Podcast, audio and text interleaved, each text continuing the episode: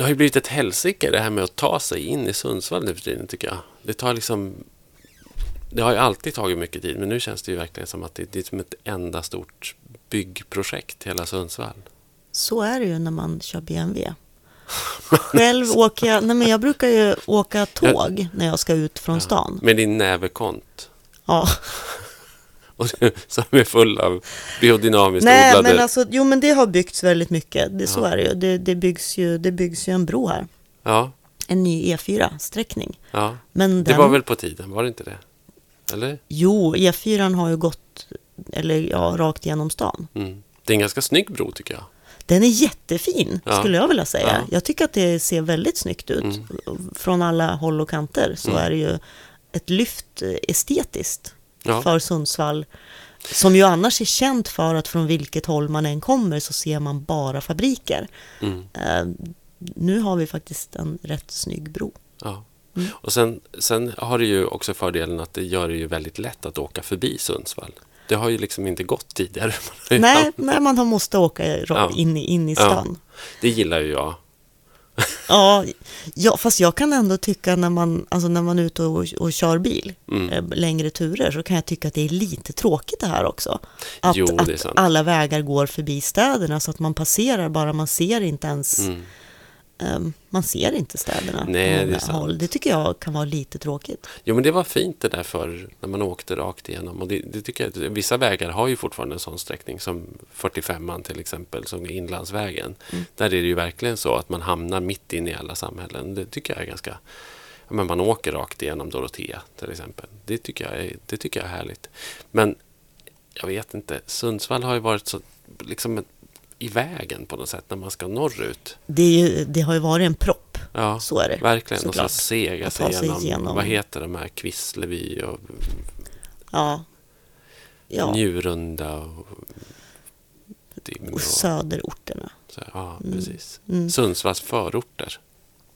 Mm. Men, ja, ja, men snart, är- snart är det där eh, klart då. Ja, ett Ja. par veckor. Och för ovanlighetens skull så är det ju ett bygge som kommer att vara klart före utsatt tid. Mm. Alltså det har gått fortare än planerat. Att, Men det kommer kosta att åka över den där bron, ja, hur? det kommer vara en broavgift, men Ja. inte från början. Så är man riktigt sniken så, så hamnar man i Sundsvall. Liksom. Ja. Ja.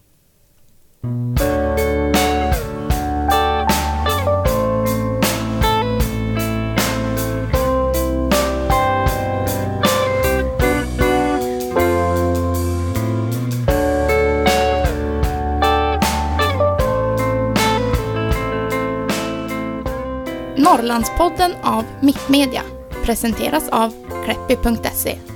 Ekologiska barnkläder och presenter från Norrlands urskogar. ja, det är Norrlandspodden ni lyssnar på. Mm. Vilket avsnitt är det egentligen? Det här tror jag åtta Ja, sammanlagt. det är inte illa Det är pinkat. fjärde för den här säsongen. Ja. Tänk att man kan säga så mycket om Norrland. Ja, jo, jo, och det kan vi nog prata om i några avsnitt till tror jag. Jag tror det. Ja. Eh, Det är ju jättekul också att, att eh, vi inte bara sitter här och pratar utan att det faktiskt är folk som lyssnar Mm. på den här podden. Mm. Trots det kanske avskräckande namnet. Ja, men folk, folk verkar ju faktiskt gilla våran podd. Det tycker jag är kul. Mm. Ja. Och vi får då eh, reaktioner som dels att folk bara gillar den men sen så får vi också en del input på vad vi faktiskt säger. Mm. Eh, till exempel har jag fått lite bassning för att jag sa någonting om att Karesuando var eh, den nordligaste bebyggelsen, typ Mhm, sådär, eller okej. bebyggda byn. Ja. Det är ju inte helt sant, det bor ju folk norr om Karesuando. Mm. Men det är eh, den nordligaste, be, vad heter det? Tätorten? Nej, kyrkbyn. Aha, Ah, okej. Det är Mm. nordligaste Mm. byn där det finns en kyrka, helt Mm. enkelt, i Sverige. Okej. Ja. Så det ska vi det jag om ursäkt för, Mm. att jag uttryckte mig klumpigt där. Mm. Ehm, sen så har vi också fått frågan när vi pratade om, eh, i förra avsnittet om eh, självständighet för Norrland. Mm. Och för, pratade om vad som skulle bli huvudstaden. Och jag tror det faktiskt var jag som sa att tanken på Sundsvall som huvudstad är helt bizarr. Och någon tyckte att, vad, vad menar jag med det? Vad menar vi med det? Du höll ju med. Alltså, jag har ju, det här har jag pratat om tidigare tror jag, men jag har ju liksom dragit den här slutsatsen efter att ha åkt runt och pratat om Norrland och pratat om... Alltså Sundsvall gick ju ut för några år sedan i en kampanj och utropade sig själva till Norrlands huvudstad. Och det där väckte ju viss förstämning i resten av den här landsändan, måste man ju säga. Därför det är ju ändå så att alltså den här kolonisationen av Norrland, som vi har pratat också ganska mycket mm. om i programmet, eh, den utgick ju ifrån Sundsvall. Ja, just därför. Sundsvall var ju på något sätt här, det var ju här kapitalet samlades, det var här de fina familjerna bosatte sig och, och det var liksom härifrån kolonisationen liksom sträckte ut sina ondskefulla armar över resten av, av landsändan. Och därför så tror jag att det finns något sånt där gammalt agg mot Sundsvall liksom, på grund av det.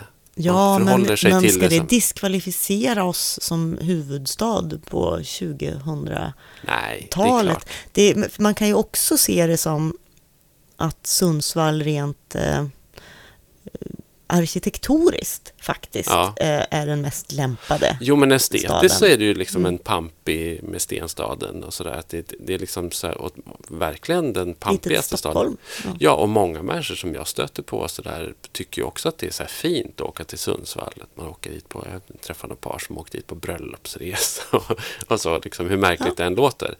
Eh, men det är mycket Birsta förstås. Liksom. Birsta är ju också Alltså köpcentret är ju liksom på något sätt större än Sundsvall också i något avseende. Det... Kanske för utom Socknes. Ja, jo. Det är därför man åker till Sundsvall lite grann. Det är för att handla. Handla. Mm. Shoppingstaden Sundsvall. Mm. Mm.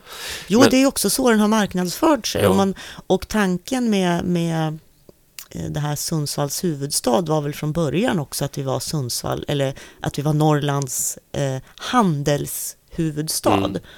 Uh, och det jo. kan det ju ligga någonting i. Att fast, det, ja, ja. fast samtidigt är det ju så att alltså, Sundsvall är ju inte den magneten och, och Medelpad är ju verkligen inte det. Västernorrlands län är ju faktiskt det länet i, i hela Norrland som har tappat mest befolkning om man tittar de senaste 30-40 ja. åren så är det liksom en katastrofal ja, nedgång. Också kan jag då säga det senaste året, nu i sommar, de som har eh, tappat eh, gästnätter. Mm. Alltså när, samtidigt som turismen har ökat i i princip hela Sverige mm. så minskar den i Västernorrland. Ja, jag tycker inte att det är så himla konstigt. Det är väldigt oprofilerat liksom en oprofilerad del av landet så där, på det sättet. Man kanske inte riktigt förstår vad man ska, ska ha den till. Det är som så här, norra Sveriges Dalsland. Liksom, mm. lite grann. Men sen, sen blir då frågan, liksom, jag menar, vi var ju inne på det också, så här, vad, är, vad är mer rimligt då? Och, då? och då tyckte vi att Umeå ligger mm. bra till. Liksom, det ligger vid kusten och det är ganska så här, centralt placerat i hela den här landsändan. Men det finns ju andra aspekter också eh, på det. Liksom. Och det handlar ju ganska mycket om vad, vad staden tycker att den är. Jag menar, Sundsvall är ganska mycket så industri och gammalt kapital. Och Umeå är väldigt mycket så här idé och kompetens ja. och sådana saker som man liksom vill se som Mer fram progressivt. Ja, men, ja, progressivt och framtidskvaliteter. Så, liksom. Och det, det marknadsför ju de sig med väldigt hårt. Däremot så är det ironiska är ju att, att eh, Umeå kommun har ju haft som intern policy i en massa år att aldrig någonsin när de kommunicerar Umeå utåt prata om Norrland. Därför att de har ju ansett att det är en belastning för Umeå att ligga i Norrland. Så de har ju liksom inte riktigt velat låtsas om att de är, ligger i Norrland. Nej, och det borde ju egentligen diskvalificera Umeå. Ja, och, det, och det, ro, det, ro, ja, det roliga där var ju att de ändå så inte kunde låta bli och bli väldigt sura på Sundsvall. När Sundsvall gick ut och claimade då begreppet Norrlands huvudstad så blev ju Umeå ändå sura. Så att det, alltså jag tror att någonstans så har de den där ambitionen ändå liksom i Umeå. Mm. Så är det nog. Ja. Eh, det är också någon som har frågat vad du menar på när du pratar om Sverigedemokrater i varseljacka. Det kan ju låta...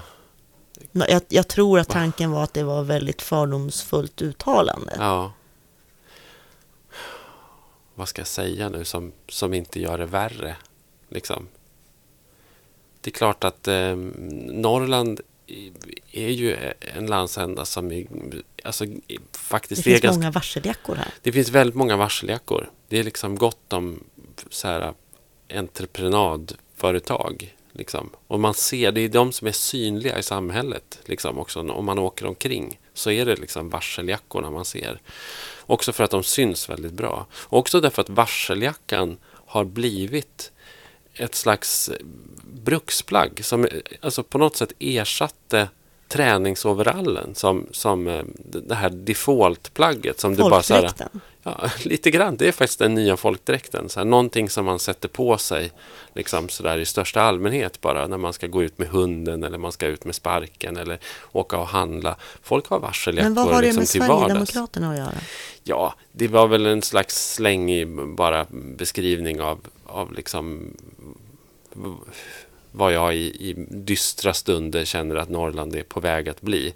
Där det liksom, vi har hela den här kompetensflykten och medelklassens tillbakadragande och liksom att det känns som att de enda som återstår snart i Norrland är, är Sverigedemokrater i varseljackor därför att alla andra drar. Liksom. Och, och det kan jag liksom verkligen i mörka stunder känna att det, att det känns det känns som att vi kan hamna där om vi inte passar oss. Liksom att vi måste uppvärdera en massa andra kvaliteter. Vi måste uppvärdera kvinnor, vi måste uppvärdera mångfald, vi måste uppvärdera kultur, vi måste uppvärdera som, som, som eh, traditionellt inte har varit särskilt Nej. uppvärderat. Nej, i, vi måste uppvärdera en, hel, mm. en, en massa moderna mjuka värden så att Sverigedemokraterna i varseljackor inte får liksom tolkningsföreträdet över våra småsamhällen därför att då är vi liksom verkligen på sluttande plan kan jag känna.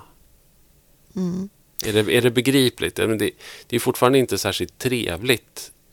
Liksom, det är inget trevligt sätt att uttrycka sig på kanske men samtidigt så är, tycker jag inte att det är lite grann, det är lite, ja, ja, det är lite generaliserande eh, ja. i överkant kanske. Det är, väl, det är väl mest det. Och det kan vi väl hålla med om. Att det kan vi det väl absolut det. göra. Ja. Men, ja, men jag kan verkligen också så här, jag skulle verkligen vilja understryka att det inte finns, liksom, det är inget klassförakt från min sida. Det är verkligen inte, det är verkligen inte så. Men jag, jag kan verkligen känna att vi går miste om någonting i framtiden. Om, om, därför att det är ju också så här att det som jag tycker är största faran har, ja. Det som jag tycker är största faran med Sverigedemokraternas intåg i de norrländska samhällena det är just det här giftet som man sprider där man börjar liksom så här, Det handlar ju oerhört mycket om värdegemenskaper och tolkningsföreträden och då tycker jag liksom att om, om alla andra drar, om alla kvinnor och alla lärare och alla läkare och, och liksom så här människor försvinner från samhället, de enda som återstår är liksom men med, med varseljacka. Men med, med varseljacka och grävmaskin och, och liksom en lutning åt sverigedemokratiska idéer.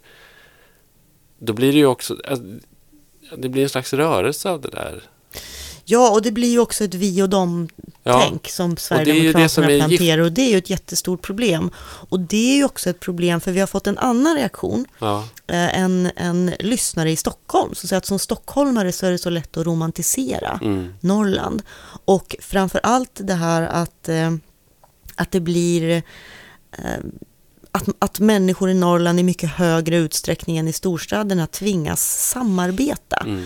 Alltså, och hon tyckte då att ja, men det verkar typ mysigt. Mm. Att man samarbetar om att mm, ploga vägar och se till att ICA-butiken är kvar eller att mm. man har ett sommarkafé sådär.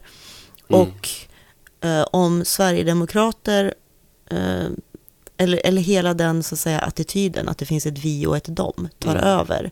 Hur ska det då gå? Med det här romantiska i glesbygden? alltså någonstans, alltså jag, jag, det här är ju verkligen en sån här fråga som jag brottas med jättemycket. För jag tycker ju någonstans här att ja, men det, är, det är en fin kvalitet eh, det här. Att vi som bor utanför storstäderna på landsbygden, det är inte bara i Norrland utan det är ju liksom i landsbygden i hela Sverige, måste ju ta ett större ansvar. Och hela den här paketlösningen som har varit vad ska man säga, val, valfrihet, valfriheten som lösning på alla problem. Eh, den är ju inte igång, den funkar ju inte på landsbygden för det finns liksom inte fungerande marknader. Man, man, kan liksom inte, har man problem med vården, har man problem med skolan, har man problem med äldreomsorgen så är det inte så att man kan som i en storstad gå och välja byta. ett annat, ja, byta skola nej. eller byta äldreomsorg utan då måste man lösa det och då, och då och då blir man medborgare istället för konsument. Och det, och det där är en sån där sak som jag tycker vi kanske har pratat alldeles för lite om i Men samhället de senaste eller 20 åren.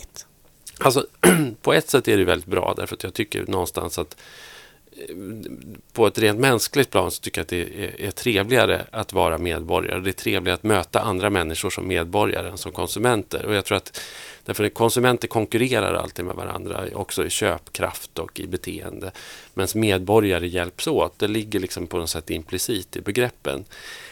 Men eh, Sen är det ju det, det tråkiga med det kan jag tycka är för att jag bor ju själv i en sån här bygd där vi är tvungna att lösa saker själv. Och det är ju att vi gör samhällets jobb någonstans. Alltså att egentligen så borde ju, egentligen borde ju vi men det är, så, det, är, alltså det, det, det är så konstigt på något sätt. Därför att det är som att det har ritats upp magiska gränser i landskapet. Men samhället, det är Ja. ju också vi. Alltså medborgarna är ju samhället. Jo, fast Och- jag menar, många medborgare... och alla ja. har ju ett gemensamt ansvar. Ja, fast man behöver ju inte ta det då. Nej. Om man lever i ett samhälle där, där man är konsument och där, där allting handlar om valfrihet och, det- att, och att välja i egenskap av konsument så, så fråntas man ju egentligen sin roll som medborgare. Och det var det, det, var det här jag skulle säga att någonstans så, så, så har det uppstått osynliga gränser i det svenska samhället där de som bor innanför gränserna har rätt att få då allting serverat någonstans av samhället och av, av de kommersiella krafterna tillsammans. Medan de som bor utanför de här gränserna på den svenska landsbygden eller i Norrland eller så måste finna sig i antingen sämre service eller lösa det själva. Det här tycker jag är en ganska djup orättvisa. Det här driver mig väldigt mycket liksom, till att prata om de här sakerna. Och då tycker jag så att nej, det är inte romantiskt. Det är en ren jävla nödvändighet faktiskt för människor på landsbygden. Så att jag tror inte att... Land... Men även om, det är, även om det är en nödvändighet så kan det väl ändå finnas positiva eh, biverkningar av det? Jo, men det är eller? det jag att, säger att det också. blir positivt, att man möts på ett annat sätt och att man eh, faktiskt gör saker tillsammans. Ja, och det är toppen. Och jag menar, det, jag besöker mängder med orter som funkar på det sättet. Men det är ju inte alla orter som får till det. Och det är inte alla människor som kan samverka. Och det är inte alla som vill det heller. Och då tycker jag på något sätt att där har ju samhället retirerat. Liksom, och, där, från, och där, där är jag lite sitt inne på uppdrag. Där är jag lite inne på eh, de som hamnar utanför, alltså inkludering. Om nu medborgarna tillsammans Mm. måste se till att den här ICA-butiken funkar eller att vägarna plogas. Mm. Och så sitter det någon i änden på vägen som av en eller annan anledning inte är godkänd. Mm. Vad händer då, tänker du då? Struntar de i att ploga Nej, hans del Det av jag vägen? faktiskt aldrig, det har jag aldrig hört talas om faktiskt. Nej. Nej, det Man gör det ändå. Ja, det gör man. Man, det man har faktiskt, jag, så jag tycker att det är ganska upp. stor acceptans faktiskt. Och liksom i detta med liksom hur mycket man hur mycket man deltar och inte deltar och hur man liksom hanterar det. det, det, det ja, det tycker jag. Det, det, det tråkiga är ju att det faller då ett, liksom ett större ansvar på de som är engagerade. Jag, jag tänker på sånt här som såna här klyschiga filmer som finns då. Ja, ja. Eh, Colin Nutley, eh, Ja, eller ja. Eh, både Så som i himmelen eller Änglagård eller vad vi än tar. Det, är- det är landsbygden, någon sticker ut, passar inte in. Och det blir väldigt, Ja, väldigt nej, jag jobbigt för den tycker att det har personen. blivit Är det en mytbildning som... Nej, det är klart att det ligger en sanning i men jag tycker att det där har ju liksom fallit undan också i sam, liksom, som en konsekvens av att de gamla maktförhållandena på något sätt luckras upp och de gamla hegemonierna bryts samman. Det är ju inte riktigt, alltså det är ju inte så att en bygd idag styrs av liksom två bondfamiljer och ett socialdemokratiskt kommunalråd.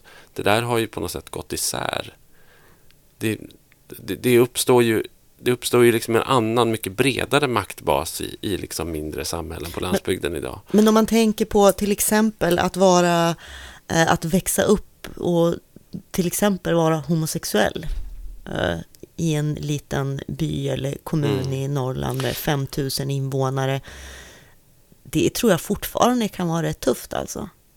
Ja, Framförallt för att det är tråkigt, tror jag.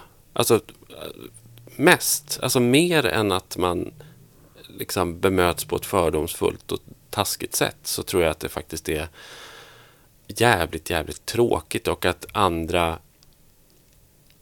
att man blir ensam helt att man blir ens, i sin... ensam i sin kulturella sfär och ensam med sina preferenser. Och då menar jag inte sexuella preferenser i första hand utan kanske liksom också lika mycket så här, sociala och kulturella preferenser. Att man, är, att man är ensam. Och då kan det vara lika tråkigt om man är ensam om att älska Skrillex eller, Ja. eller så. Men det, liksom. där, men det där problemet, det, det har ju internet löst nu. Man kan ju sitta i en, i en stuga i, Ja. i, ute på landet och, Och- ha kontakt med omvärlden Ja. och faktiskt inte behöva vara så ensam Ja, som man kanske precis. Känner att jag, sig. tror att det är, jag tror att det är betydligt eh, Jag tror att det är betydligt lättare på det sättet. Men, men, men det det leder till också, det är ju bara så här att att man kanske då sitter av sin tid tills dess att man kan flytta därifrån och, och få uppgå i den där gemenskapen som, som först bara är liksom interaktiv men som sen kan bli Du, du menar att steget blir kortare också att faktiskt Ja. dra? ja, eh, Tack vare Jag tänker att på- man har den Jag kontakten har tänkt med. ganska mycket på det där med alla de här, så här särlingarna, originalen och naivisterna och, och Mm. liksom ungkarlarna på landsbygden.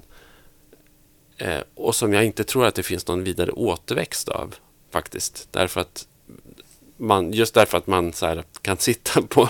Är man, är man udda så kan man kanske liksom kanalisera det in i något internetforum eller någon, någon, någonstans där man kan få respons eller känna att man ändå så här uppgår i någon gemenskap. Och jag, alltså min, min, jag, jag är ganska övertygad om att en ganska stor del av, gamla, av Norrlands gamla original och naivister var homos. Det Faktiskt. du? Ja. Ja. det tror jag. Mm. Men att det liksom var omöjligt att leva ut den saken. Eh, och omöjligt kanske för dem själva att överhuvudtaget eh, tänka på den saken. Och då, och, då Det är alltså då, och då tvingades man ut på en kant där, där det liksom där man hamnade bara lä- längre och längre bort och till slut så började man måla sitt hus prickigt och göra jättekonstiga skulpturer Mm. eller Ja. ja, Men du, Ja. eh, från det ena till det andra. Du eh, har ju fått ett jättefint pris. ja Eller jag fick få, det. ja. ja, Ludvig Nordström-priset. ja.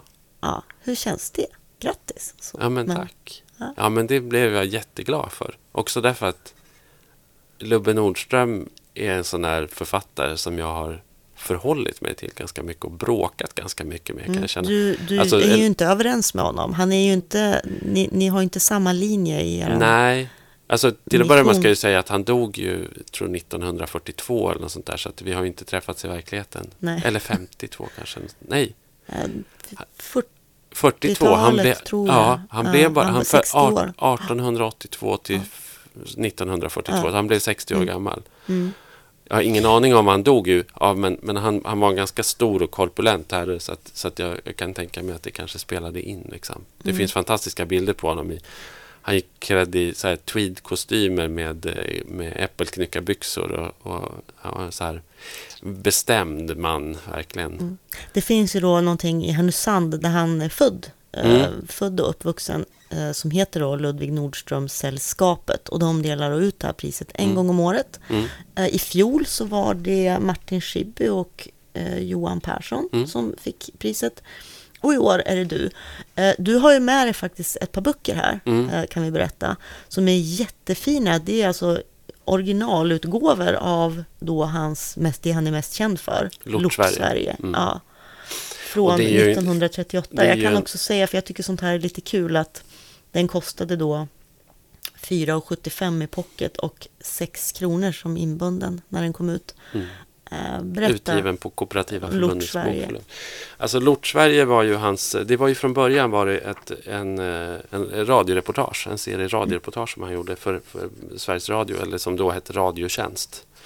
Och de åkte runt med en sån här inspelningsbil eh, från, alltså från söder till, till, till Genom norr. hela Sverige. Och besökte arbetarhem och baracker. Och det, alltså på den tiden så var ju statarsystemet fortfarande intakt. Och det han avtäckte under den här reportageresan då, som sen blev boken Lort-Sverige, var ju liksom en, ett enormt armod och bristande hygien och folk bodde, det var stampade jordgolv och de bodde med råttor och de hade liksom det var, det, var en, det var en rätt stor misär i Sverige liksom, på den tiden. Och Faktiskt den, och fortfarande. den, de här reportagen och den här boken orsakade också ganska stor överraskning. Skulle Ja, jag säga, faktiskt, I samhället. Att folk blev nästan chockade över Ja. hur det faktiskt låg till. Ja, och det, och det utlöste ju då liksom en säga, verkligen en debatt om moralpanik och satte fart på bostadsbyggandet och på och jag är helt övertygad om att den här boken bidrog till att Sverige sen blev världens renaste, mest hygien... Socialstyrelsestyrda Ja. land. Ja. Ja, men så här, mest hygien så här, fokuserade landet i, i världen nästan. Så att, och, och husen skulle vara liksom rena och raka och det skulle vara lättstädat och lättordnat och, eh, och så. Och, det, det drev ju han på verkligen. Så, att, så att det, jag tycker det är superintressant. Sen, har, sen var han ju också, eftersom han var från Härnösand, så var han ju också liksom en eh, ganska hängiven. Han var ju fruktansvärt produktiv. Eh, han, jag tror han debuterade som skönlitterär författare i 20-årsåldern och skrev en serie böcker om Härnösand som han då kallade för Öbacka. Och jag har inte läst någon skönlitteratur av honom men han har ju skrivit ett, ett, stort antal verk och väldigt många debatt, debattskrifter och reportageböcker. Och den mest kända är ju en som heter Norrland i stöpsleven som jag tycker är superintressant och som jag har läst ganska mycket i. Den är också baserad på en reportageresa som han gjorde genom Norrland, tror jag 1938, med den här liksom, sändarbilen. Då. Och eh, omslaget bryts av en oljemålning som han själv har gjort och som är så djupt romantiskt. Det är eh, vintermotiv och det är en stor fabrik som släpper ut otroligt vacker rök. Ja. Därför att Lubbe Nordström, han var verkligen av åsikten att, att liksom industrin Framtidsdrömmen. Så här, Ja. det, här är, det här är framtiden. och industrin var verkligen så här lösningen på lösningen på allt liksom. Eh, och Han skulle alltså älska infarterna till Sundsvall. Ja, och det gjorde, det, gjorde han ju, skorstenar ja, det gjorde han ju säkert eh, redan, Mm. redan då. Liksom. Men jag kan... Eh, Norrland var som i sekler en från det egentliga Sverige långt avlägsen snö och dimhöljd koloni befolkad av timmerbjörnar, vargar, lappkåtor, lappar och en handfull sågverkspatroner. Kommunikationerna voro förnämligast ångbåtar som glest trafikerade den långa Norrlandskusten under den korta sommaren. Norra stambanan ledde tomma järnvägsvagnar upp till polcirkeln. Vad övrigt var, var tystnad, skriver han. Och Som- vilken tid är det han refererar till här refererar han till liksom sin uppväxttid då vid, kring sekelskiftet. Ja. Och sen så säger han då, och nu ett tredjedel sekel senare, ja nog råder mycket okunnighet alltjämt om vad Norrland verkligen är. Men nu är i alla fall ett faktum ofrånkomligt. Norrland är icke längre bara en koloni. Norrland har inkorporerats i Sverige. Norrlänningarna har börjat framträda såsom delaktiga i uppbyggandet av ett nytt enat Sverige och som delaktiga av Sveriges moderna, starkt socialt betonade nationella kultur. Om det, men det stämmer ju inte ens. Det var ju inte norrlänningar, det var ju folk, det var ju ut, utlänningar, på att säga, som kom hit och, och eh, industrialiserade och stockholmare och som byggde upp. Norrlänningarna var ju bara, eller bara, men alltså norrlänningarna arbetade ju. Absolut, åt- men han tycker ju att norrlänningarna är, trots att han var norrlänning själv, tycker han ju liksom att, att de var ho- hopplösa. Och då, och då, så här, då skriver han så här. I och med att norrlänningarna icke längre behöva så att säga försvaras mot övriga Sverige utan blivit accepterade som likaberättigade svenskar har det blivit nödvändigt att anlägga en annan synpunkt på dem än förut och mäta dem med en annan måttstock än tidigare och denna måttstock är den allsvenska. Man måste från och med nu fråga hur tar norrlänningarna hand om sitt land? Vårda och utvecklade sina naturrikedomar? Hurdana äro det egentligen? Är det ett framtidsfolk? Är det ett folk buret av en utpräglad skaparanda? Eller är det till äventyrs ett slött, ett efterblivet folk? Är det det själva som gjort Norrland till vad det är? Eller är det det starkare, effektivare? Är det främlingar? Och svaret på det här är ju förstås då att det är främlingarna och det är industrialisterna och det är det sydsvenska och utländska kapitalet som har gjort Norrland till vad det är. Men norrlänningarna själva, för på nästa sida så skriver han så här, präglas av dådlöshet. Han tycker att norrlänningarna är liksom outbildade slashasar som i princip bara ligger och sover. Eh, och sen så eh, anträder han den här då långa reportageresan där han enbart faktiskt intervjuar män i slips, det vill säga, det vill säga olika direktörer på olika norrländska fabriker och eh, hyllar dem för, för deras eh, då, dådfullhet och för att de anställer de här hopplösa norrlänningarna och ser till att de liksom får arbete och eh, bostäder och eh, sköter sin hygien. Liksom. Ja. Eh, men, men det, där, alltså det där du läste nu, det bekräftar ju också någon slags... Eh, det bekräftar ju de här fördomarna som vi har pratat om förut. Oh ja. Alltså som har funnits och som kanske fortfarande lever kvar i, det undermedvetna hos många. Synen på norrlänningen eh, Ja, som någon som slags lite dummare, lite... ja, loser, lite oföretagsam, Ja, ja, bara ja. skräpar runt och typ sitter. Liksom. Stockholmare är smartare än lantisar. Jo, det upprepas ju. Aktualiserat uttryck. nu. Ja, precis. Ja, det var ju Dilshad Demirbag-Sten som skrev en krönika här om på, på samma tema. Ja. Det var obegripligt dum krönika, verkligen. Jag tror att hon bara hade bråttom och inte hade något att säga så att hon gjorde en rewrite på Per Schlingman och Kjell Nordströms debattartikel från häromveckan. Så det var, det kändes som att det var... Ja, eller så upplevs det som någonting reellt. Ja, Men det är så Att- otroligt fel. Alltså det, det, det, är liksom, det är så fel i så många led. Vad hon, vad hon och vad Schlingman också. Det känns ju lite som att så här, den, den kreativa gröna staden, det är det nya borgerliga projektet. Det är min tolkning. Centerpartiet håller ju också på med det där liksom, klöver i dubbel bemärkelse. Alltså både fyrklöver dänger och pengar. Men eh, och, och, det, det är bara så himla konstigt att, att utnämna staden till kreativitetens centrum. Den är ju kreativitetens centrum framför allt för att folk flyttar dit med sin kreativitet Ja. från andra håll. Och, och det är ju inte staden då som, som nödvändigtvis gör skapar kreativitet utan det är ju människorna som bor i staden. Kreativitet kan ju uppstå på andra håll. Sen skulle jag också säga att pratar vi riktig glesbygd så är det ju så att folk som bor kvar på glesbygden är ju per definition idag genier. Annars skulle de inte klara sig där. Snacka om kreativa. Snacka om liksom förmåga till samarbete och, och liksom...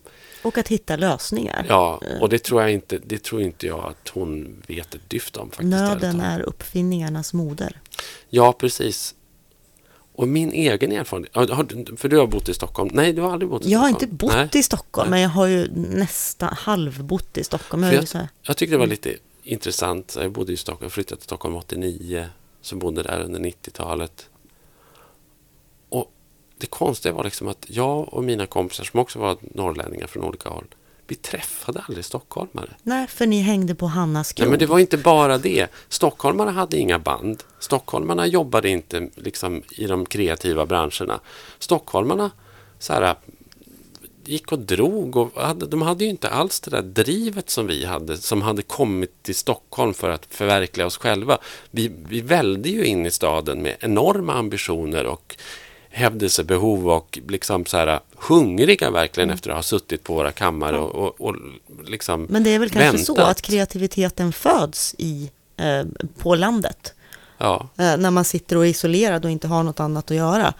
Det är som, eh, som uppvuxen i Sundsvall då, där härifrån det ändå kom. Eh, det gjordes ganska mycket musik, det var väldigt kreativt så.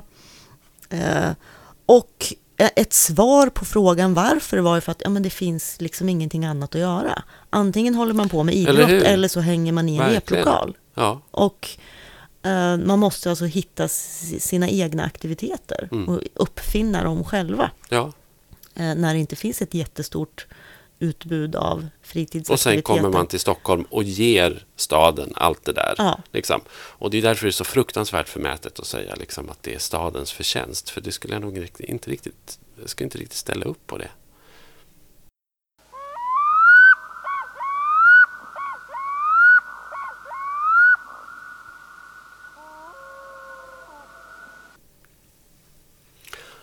Du, ska vi ha en lista?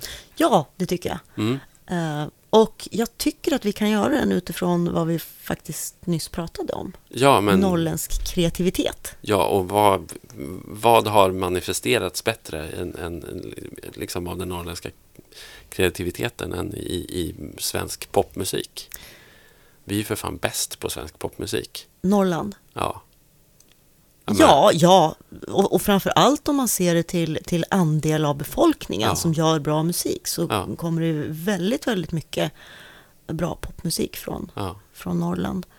Eh, Ska vi lista några, några norrländska ba- Ja, band? alltså det här är ju lite svårt. Alltså för att, alltså det, det finns ju en massa band, men alla är ju inte liksom norrländska ändå. Bara för att de kommer från Norrland så känns de Så ju vad är det så som gör ett band norrländskt? Ja, vad är det då egentligen? Ehm, Det, alltså jag tycker att det finns vissa band som har en så väldigt som har en väldigt tydlig stämning av som liksom omisskännligt eh, norrländsk. ett exempel. Ja, bland nya band så tycker jag kanske så här eh, Win Hill Lose Hill som är ett band från Umeå som jag tycker har väldigt mycket av det där som Det har jag nog faktiskt inte ens ja, hört. jätte, jättefint band. Jag tycker väldigt mycket om dem. De liksom debuterade för ja, två år sedan tror jag med, med ett dubbelalbum. Mm. Med oerhört rik, fin musik. Låter grann, lite, lite grann som The Band kanske, fast uppdaterat. Lite gubbigt. De är, ja, det är lite, Ja, det är lite gubbigt, men det är Ja. falsettsång. Okej, för nå- någonting som inte är gubbigt men som jag skulle säga är väldigt, väldigt mycket Norrland, det är ju Annika Norlin, säkert. Mm, verkligen. Och hon har ju sådana textmotiv Och hon sjunger ju också. på svenska och sjunger också väl, på, på väldigt tydlig dialekt. Mm. Och ja, det handlar om Norrland. Ja, hon har, Mm. ju verkligen, hon har ju verkligen med det med sig in, så att säga. Mm. Och jag är ju uppvuxen i, i södra Norrland. Vi hade ju under en epok eh, en väldigt sådär eh, norrländsk eh, genre med, med väldigt sådär lite bonnig nästan. Perssons pack. Perssons pack och Traste Linnéns kvintett kommer ju från mina hembygder. Det är så otroligt mycket Hälsingland så jag tror inte att folk förstår hur mycket Hälsingland det är. Bo Kaspers Orkester. Nej, de... Inte det. herregud, de är väl... Bo är väl från Hälsingland? Nej, han är, han är från Piteå. Jaha, ja, Ja. men... Jaha, Alltså, de har ingen hälsinge nej, men det är norrländskt. Men det känns... Ja, fast det känns inte riktigt så. Det är lite mer TV4-mys, tycker jag, än Norrland. Ja, ja det är ju... Nej, ja, men... ehm, Men, men sen, sen har, alltså jag kommer från Sundsvall Ja. och vi hade ju ett tag, vi var ju nästan lite så här Sveriges Manchester. Nej, men det, det var ju framförallt var det väl lite, fanns en hel del punk Mm. på, på 70-talet, det var ju före min tid. mm, Men så där som ändå fanns när jag växte upp. Brända barn var Mm. väl mest framträdande. Mm. Det fanns även då Rasta hunden, inte, inte lika kul kanske. Det, alltså, Ehm. jag, jag är ganska dålig på svensk punk också, men jag vet ju att Sundsvall var en, något Mm. av en punkmetropol. Jag Ja. såg Brända barn spela faktiskt i våras, tror jag det var, eller förra vintern. De gjorde en Ja, sån återf- åter, reunion. Ja, det var hemskt. Jag var, in, hemskt, jag var jag inte alltför imponerad. Nej, det var, Alls, nej det, faktiskt, det skulle, de skulle ha avstått. Om du Ja. frågar mig. Ja. Eh, däremot så är det ju en, en av de uh, före detta medlemmarna i Brända Barn, Jan Strandqvist, har ju nu ett eget band där han gör någonting som verkligen är motsatsen till punk. Alltså han gör då elektronisk musik som är lite så här The Knife-doftande och som är riktigt bra på riktigt. Mm. Ett projekt han har som heter Red Mecca. Okej. Kommer ett nytt album nu, Mm. precis i dagarna. Eh, fantastiskt bra.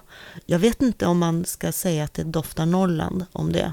Eh, men Nej, Det- men det kanske inte behöver göra. nej, Men vi har ju, sen har vi ju, vi kan ju inte komma runt hela den norrländska indievågen på 90-talet. 90-talet. Den var ju nej, liksom, nej. Popsicle. det var ju den gyllene, verkligen, och Wanda Wanda Dice, det var ju verkligen den gyllene och Bear Quartet, sa jag Ja, dem. Ja, nej, men, ja. Och det var ju verkligen den gyllene eran när de här äh, norrländska kuststäderna, det var ju framförallt då Luleå, Piteå och Skellefteå. Mm. Och Umeå hakade på sig. Men Umeå hade en lite mer akademisk eh, approach till popmusik. Med komeda och sådär. Det var lite snå, det var lite snårigare. Det var liksom inte... Men, men det som kom från eh, Skellefteå, Piteå framförallt var ju väldigt Alltså väldigt melodiös, eh, fin popmusik Mm. måste jag säga. Och den fick ju också i vissa fall internationellt genomslag. Ja. Eh, Verkligen. som både eh, This Perfect Day och Wannadies till exempel har ju låtar i soundtracket till Romeo och Julia. alltså, ja men filmen Ja. som gjordes då. Ja. Ehm, Jo, mitt favoritband var ju alltid Bear Quartet av, av, av alla de där. Jag tyckte det var det, som det bandet som hade störst substans på något sätt och också någon svärta. Liksom. Och, och Mattias Alkberg som, som sjöng i Bergkvartett, han har ju fortsatt som soloartist och är liksom en av de, jag tror att han är den enda överhuvudtaget som bor kvar. Eh, Alla andra har ju försvunnit Jo, det gjorde de ju därifrån. redan då.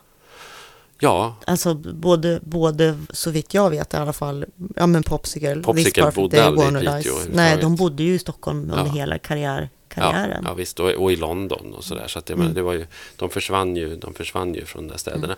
Men de där städerna hade en enorm, en enorm betydelse ändå liksom, för att fostra dem. Och då tror jag just den här eh, Alltså detta att ha enormt mycket tid. Men det är det som är frågan. De har den här tiden, Ja, eh, de är väldigt kreativa och de gör det de ska, men krävs det att man flyttar härifrån för att faktiskt komma någon vart? För jag tänker då på som Sundsvallsband. Vi hade Mm. ju då här ett band på 90-talet, slutet på 80, början på 90 som heter Shades of Orange. Mm. Som var fantastiskt bra, skulle jag säga. Ehm, som även fick lite nationell uppmärksamhet, eh, som blev väldigt hyllade av recensenter. mm, Men de bodde kvar. Mm. Ehm, ja, och så blev det liksom ingenting. Ja, jag tror inte att det var det som var deras problem faktiskt. Det var det nog inte, utan det var att när de väl gjorde sin eh, första och enda skiva så valde de fel producent. De valde Cybersankan. Och det, det skulle de inte ha gjort, för det blev liksom inte... Det, Nej. blev, de, det blev inte riktigt så bra som det hade kunnat bli. Men det var ett mäktigt band. Du var med- inte på deras reunion för ett år sedan. Nej, jag var inte. Jag För har inte det sett dem. däremot, Det var bra, va? Det var faktiskt Ja. väldigt bra. Det kändes som herregud, ni skulle, Ja. kunna, ni skulle kunna bli jättestora Ja. nu om ni bestämde er för att satsa på det här. Så Nej, jag såg känslan. dem ju väldigt många gånger då när det begav sig. Det var ju vänner till mig också som Daniel som vi träffade utanför Här entrén det här skulle, nyss. ja men precis. Och, eh, och, och Arvid som spelade gitarr. Var ju Ja, han ganska, bra, ganska bra spelade ju senare i, i Popsicle då. Mm. Mm. Jag förmedlade den kontakten. Nämligen. Eh, Jag kan ju berätta om Shades of Orange att de hade ju då en, en manager och en kille som startade ett eget skivbolag för att ge ut deras första singel. Ja. Eh, Den personen har jag barn med. ja, Eh, Så att vi stod hemma i vårt kök och vek och limmade ihop singelomslagen till, till den här första singeln. Mm. Så att, jo, men jag kanske är lite partisk sådär, men inte, inte helt, för Nej. var, de var verkligen ja men de var mäktiga bra. och Ronny Ja. Mm. som sjöng var ju en fantastisk frontfigur verkligen. Det var ju, nej, men det var ett coolt band. Och, de, och jag tycker det som var coolt med dem också, det var verkligen att de var ju som också kongeniala med Sundsvall på något sätt. Och kongeniala med, åtminstone med min bild av Sundsvall, sådär som, som, som en, nästan som en engelsk industristad. Ganska mörk och hård och karg på något sätt. Och sen så liksom, och, ja, men det, det, var, det var ju Sveriges Manchester i, i flera bemärkelser skulle jag säga. Absolut. Så, så de, det är häftigt. De kvalar ju absolut in på listan. Ja.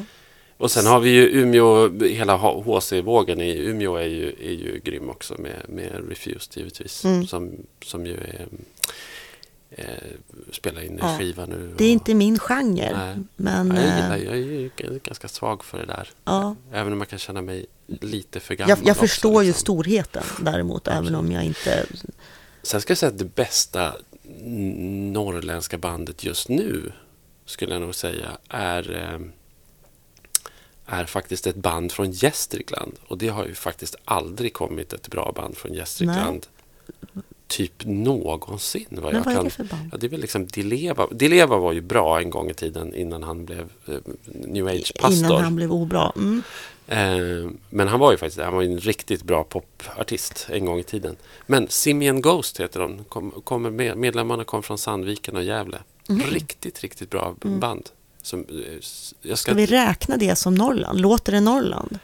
Det låter inte alls Norrland. Det, låter som någon, det låter som någon blandning mellan eh, Beach Boys och eh, amerikansk västkust på 80-talet. Så att det är inte så himla, det är inte så himla Norrland. Men, det, men jag tycker det, det, det är bra. Det är ett bra band i alla fall. Alltså sen är det ju så att vi sitter ju här i Medelpad. Ja. Och det finns ju då två band som har väldigt stark anknytning till varandra. Jag vill som inte har ens- varit nej, väldigt don't framgångsrika. Go there. Don't go there.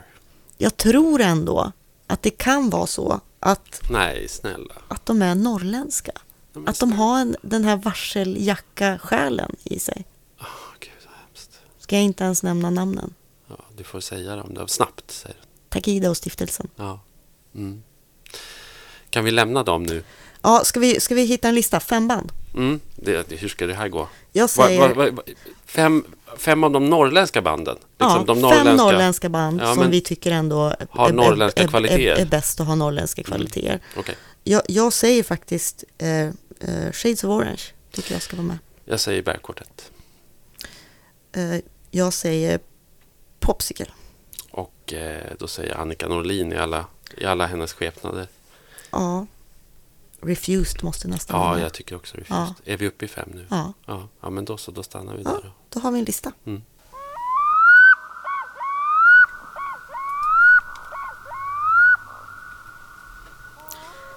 Vi har fått eh, en ny regering Mm. och det är faktiskt fyra ministrar i den som har eh, Norrlands bakgrund. Ja, det är ju ganska coolt, Ja. för i den förra fanns det inte Vi en har alltså enda. en statsminister från Ångermanland Mm. som eh, GIF Sundsvall-supporter. Bara en sån sak. Shit pommes frites, jag vet inte vad jag ska säga. Nej. Eh, Men sen så har vi ju då också en eh, ny landsbygdsminister. Mm. Som ju är en minister som är viktig för Norrland. Ja, Eh, Sven-Erik Bucht. från Haparanda. Ja. Mm. Som vars främsta bedrift som har lyfts fram är att han fick Ikea till Haparanda. Yes. Mm. Det är en karriärväg. Vägen in till regeringen. Vägen är inte... Nej, men, eh, vad han- säger vi om hans, honom? Är han eh, bra för Norrland? Ja du, vad ska man svara på det? Han är ju en, eh, uppfattar jag det som, en ganska gammaldags socialdemokrat. Alltså det är väldigt, alltså jag tycker det är svårt att säga. För det första så, så kan man konstatera att eh, det har ju funnits ett eh, landsbygdsdepartement eh, och som han nu liksom har då klivit in som, som chef för i egenskap av landsbygdsminister. Det här landsbygdsdepartementet kommer faktiskt upphöra från 1 januari. Visste du det? Och uppgå i näringsdepartementet. Ja, så det, så ja. det, det förlorar status som eget departement. Ja. Men Och- är det bra eller dåligt? Jag tror, att det är då, jag, nej, men jag tror att det är dåligt. Och det som har hänt de senaste åren är att man mer och mer... Eh, då, då det här är ju som en fortsättning på den rörelsen kan man säga. Där, där landsbygdsfrågorna har lyfts in och blivit näringspolitiska och tillväxtfrågor. Och där man genom det på något sätt jag, jag förstår intentionen och intentionen är att sluta behandla glesbygdsproblem som glesbygdsproblem utan att man ska behandla dem som näringspolitiska problem. Och därför så la man ju till exempel ner det här så kallade glesbygdsverket som fanns i Östersund. Och sen så bakade man ihop det med andra saker och konsumentfrågor och så skapade man Tillväxtverket. Det gjorde man ju under förrförra mandatperioden. Och då så skulle ju helt plötsligt då eh, då skulle ju det här ar- då, då skulle liksom arbetet förändras och det skulle vara inriktat på näringspolitik och, och på tillväxt. Men blir det inte så då att det blir så att Norrland ska konkurrera på samma villkor som en storstad till exempel? Jo, lite, alltså, lite grann är det så att, att det är liksom så här samma, samma premisser i hela landet på något konstigt sätt. Och det som man gjorde i den tidigare regionalpolitiken, som ju verkligen var så här stolt svensk gren, regionalpolitik. Där särbehandlade man ju landsbygden på olika sätt med olika åtgärder, med en annan politik. Och nu försöker man driva samma politik. Och jag tror att lyfter man in landsbygdsfrågorna i näringsdepartementet så här helt och fullt och eh, så tror jag också, jag, jag känner också så här med Sven-Erik Bucht och med Stefan Löfven att för dem så är landsbygdspolitik och näringspolitik eller industripolitik, det är exakt samma sak. Ja, det är industripolitik och Ja. det kan jag se som ett större problem i sig. Eh, att det är den typen av eh, gråsossar som tar över än det här att man lägger ner landsbygdsdepartementet. Nej men det blir ju Därför att jag kan se att Ja. i, i, ett nära, alltså att, att frågorna kanske får den här kreativiteten som vi har pratat om som finns och uppfinningsrikedom och allting kanske kan blomma ut om man inte får den här särbehandlingen som har varit. Eh, Både och, för man men- måste ändå ha hjälp och man måste också ha en politik som väger upp Men kan det den, inte- de strukturella obalanserna. Och, det- och det, det är ju det man på något sätt försöker Ja, låtsas jo. som att de inte riktigt finns där. Men kan det, finnas, kan det finnas någonting bra då? Om vi ser Bukt, eh, Ja. med tanke på att det, han blir nu landsbygdsminister, det är inte bara, det är inte Norrlandsminister utan det är Nej. landsbygdsfrågor. Mm. Men att han ändå har den, måste vi ändå säga, genuina erfarenhet av att leva, eh, leva i Norrland. Mm. Alltså, så, så att han därmed har, har någonting att tillföra som ja, men alltså kan vara det, bra. ja, men det tror jag ju. Såvida han inte liksom är, mm, lever med skygglapparna på. Han är ju ändå socialdemokrat och, och, och med, allt vad det innebär av, av en viss trögrörlighet. Och, och, och det känns lite grann som att socialdemokrater har en förmåga att sätta fokus på saker och sen så släpper de inte in verkligheten i processen lite grann. Och jag är kanske lite rädd för att han är en sån socialdemokrat. Men det ska man väl kanske låta vara osagt. Men jag känner ändå lite grann att Han gillar gruvor han gillar gruvor och han gillar nog skogsavverkningar och han gillar nog den gamla tunga Jag har ju basindustrin. hört kritik från, från samiskt Ja. håll. Eh, där man verkligen eh, oroas eh, över att han Han har, eh, ju, han har ju en argumentation Att han är till och med så här samefientlig. Han har ju en argumentation som, som är väldigt idiotisk och en sak som han bland annat sagt då. Han, han, la, han gjorde något uttalande för ett år sedan eller någonting om den här tilltänkta gruvan i, i Jokkmokk, eller utanför Jokkmokk, om, Kallakgruvan. Där, där ju då liksom gruvnäring och rennäring stod på varsin sida i kampen. Och då så sa han att eh, han tyckte väl liksom att samerna kunde vika ner sig där för de hade ju 22 miljoner hektar till förfogande för sitt renbete. Medan gruvnäringen bara opererar på eh, tror jag 22 000 hektar vilket är lika mycket som Sveriges samlade golfbanor. Men det är ju idiotiskt på så må- otroligt många olika sätt. Det, Dels- det visar ju på någon typ av bristande insikt i problematiken. Dels så vet han då inte hur en gruva funkar uppenbarligen. Och inte den- heller hur renskötsel funkar. Nej, nej och, han förstår, och, och, och, de, och dessutom så bortser han ifrån hela den historiska problematiken vilket är att samerna faktiskt har rätt till det här landet oavsett vad de gör med det. Om, oavsett om de själva vill bygga gruvor eller anlägga golfbanor på det så är det någonstans faktiskt så här mark som de har moraliskt rätt till. Sen är det ju en sån idiotisk sak att säga om man vet hur gruvor funkar därför det är ungefär som att säga att att kärnkraftverk inte är farliga därför att de upptar en väldigt liten yta. Och, och Men gruv, så är det ju inte. gruvor, eh, det kom ju besked förra veckan var det, eh, att Pajalagruvan stängs Ja. eh, tills vidare. Mm. 300 personer sägs upp på ett bräde. 500 faktiskt. Eh, därför att det är också transportföretag som varslar sina. Mm. Det, det, är för, det är företag som transporterade eh, malmen från Kaunisvaara till Svappavaara där den lastades om till, till järnväg. Det är 200 Eh, personer. 200 personer också, 500 personer. Och sen så sägs det också, eh, har jag hört, att ett jobb i gruvan motsvarar fyra vanliga andra jobb i Pajala. Det kanske är en Ja. överdrift, men att det ändå är så pass många. Det är klart att det har Det är under, underentreprenörer som jobbar åt gruvorna och, Ja. och på olika sätt. Men det var någon som räknade om det här. Att om, om det här varslet skulle läggas i Stockholm och ha samma impact så skulle det handla om kanske Mm. ungefär 80 000 jobb. Det, här, här tänker jag så här, det, det kanske känns både bra och dåligt, men tänker inte du lite grann, vad var det jag sa?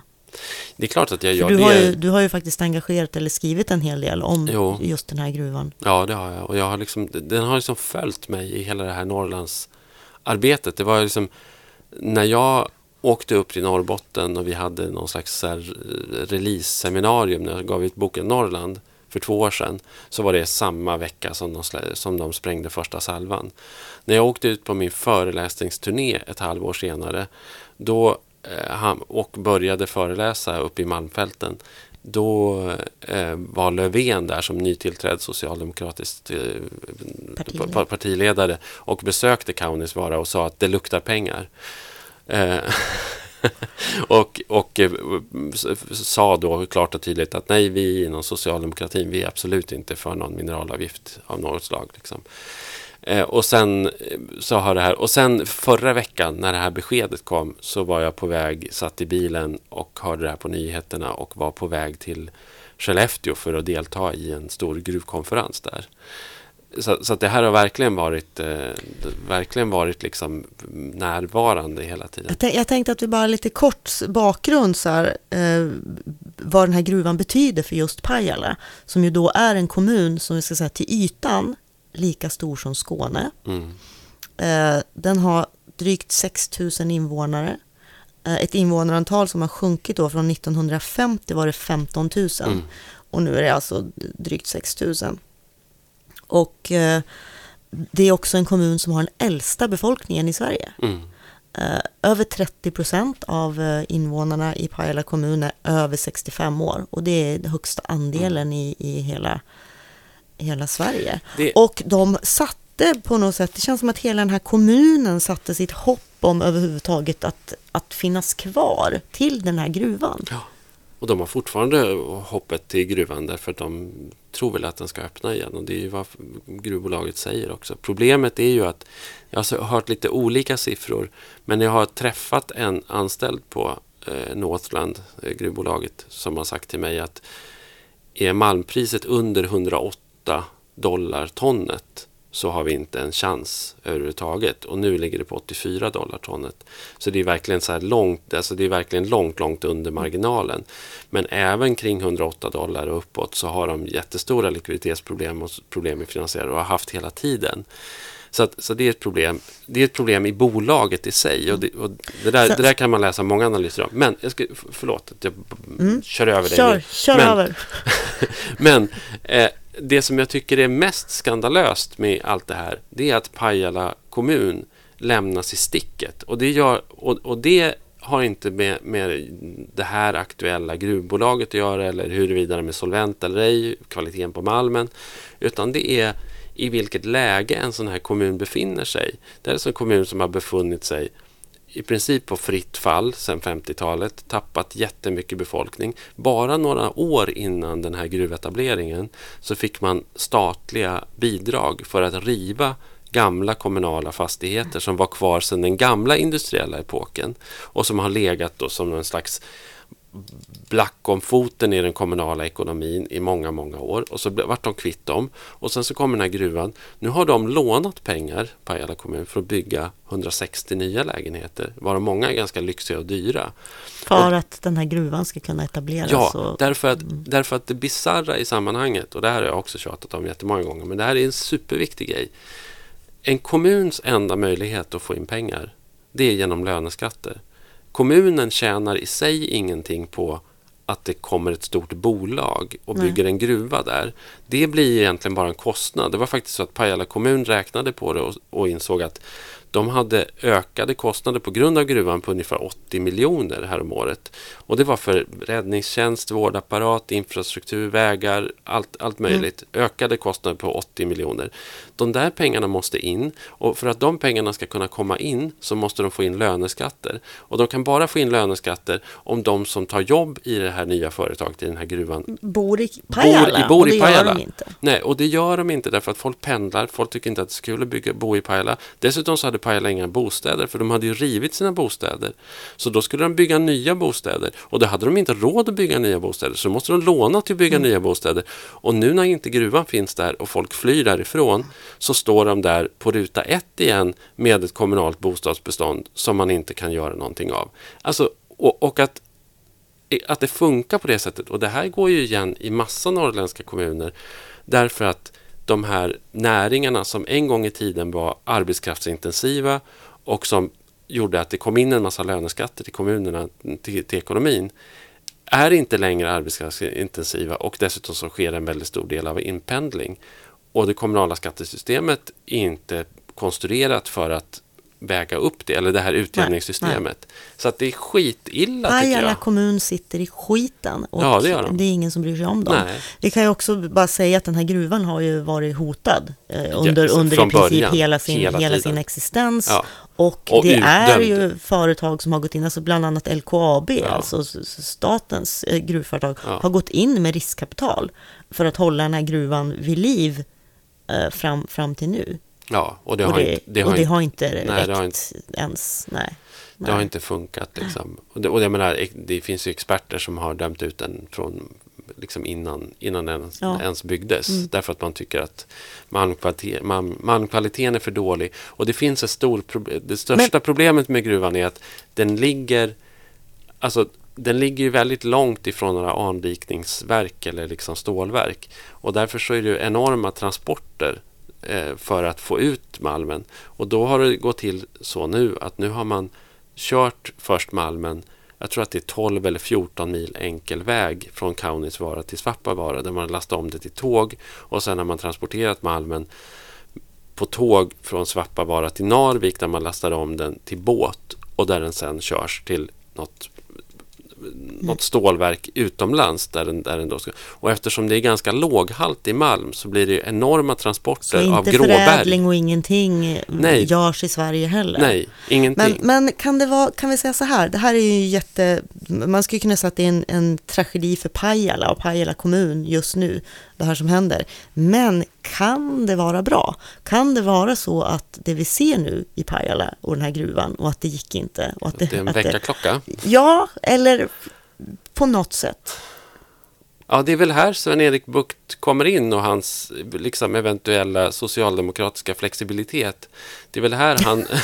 ja, men det, ja, men det är väl här man kanske ändå skulle vilja sätta någon slags förhoppning till att Sven-Erik Bucht drar några nya slutsatser och inte bara de gamla slutsatserna. Därför det är ju nämligen också så här att den här IKEA-etableringen i Haparanda, i hans egen kommun, den har ju inte lett till det som man trodde skulle ske i Haparanda, det vill säga storskalig inflyttning.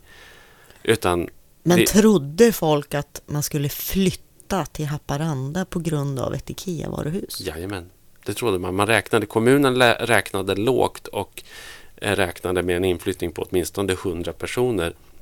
Och för att stimulera den så införde Haparanda, som tror jag enda kommun i Sverige, helt gratis barnomsorg. Och nu med facit på hand, eh, jag vet inte hur länge IKEA-varuhuset har funnits, men sju, åtta år? Är det så länge? Fem, sex, sju, åtta, Ja. jag vet inte. Så eh, det har inte blivit någon inflyttning till Haparanda. Grund av- Såklart inte, Nej. på grund av ett IKEA-varuhus. Ja, men Eller det- Ja, men gratis. arbetstillfällen och gratis, barnoms- gratis barnomsorg tänker man att det skulle liksom hjälpa. Men, men då tänker man att Sven-Erik Bucht skulle kunna försöka dra några slutsatser utifrån det Men också. det är inte som att Haparanda har brist på arbetskraft. Nej, det har Nej. de inte. De, Men- nej. Nej. Så Men jag du- menar, det är otroligt, alltså men tittar man på de här två Tornedalskommunerna så, liksom, så ser man ju på något sätt den, alltså den, region, den svenska regionalpolitikens liksom, totala haveri. Man förstår liksom inte, ja men om det inte ens funkar med en gruva eller med ett IKEA-varuhus, vad är det då som ska funka? Liksom? Ja, kanske inte den socialdemokratiska synen på att industri är... Ja, fast det var ju den, den gamla alliansregeringens syn också. Ja, De plockade ju till exempel det där var ju en karriärväg, det här Ikea i Haparanda. För att de kommuncheferna avancerade ju, blev ju generaldirektör menar för det är ju Tillväxtverket. jättebra med det. IKEA i Haparanda för människor som bor i närheten. Att de För att slipper man åka kan- till Sundsvall. Ja, För, bara- för det vilka- var ju länge det enda IKEA-varuhuset i, i, i Norrland. Ja, så visst, att det- folk absolut. vallfärdade ju verkligen till Sundsvall för att åka på Mm, IKEA. ja. Så på så sätt är det ju bra Ja, att ha ökat livskvalitet på ett Ja, sätt man kan för människor som bor där. Platta paket som Ja, det är Det är jättebra. toppen. Ja, men det är det Men ju. på det sättet, ja absolut. Men om man tänker sig liksom Ikea eller gruvor som någon slags lösning då på Norrlands problem så, så, så är det nästan så här nu att man kan konstatera att nej, inte heller, inte heller det. Och då undrar man ju då liksom, vad, vad 17, vad, vad, vad är det som ska Gruvorna till? är ju till och med, skulle jag vilja påstå, motsatsen till lösningen. Jo, De, de skapar, vågar, ju, vågar inte säga det. skapar ju problem Mm. eh, snarare kanske. Men du på, Ja, eh, i förra avsnittet mm. så lovade vi att vi skulle prata om eh, den norrländska geografin, eller vi skulle prata om kartan. ja, just det. Men det har vi inte alls gjort idag. Nej, Ska vi göra det nästa då? Eh, jag tycker nog att vi faktiskt får göra det, eh, Ja. eftersom vi har sagt att vi ska göra det. Ja, Ja, ja det är bra. vi gör det.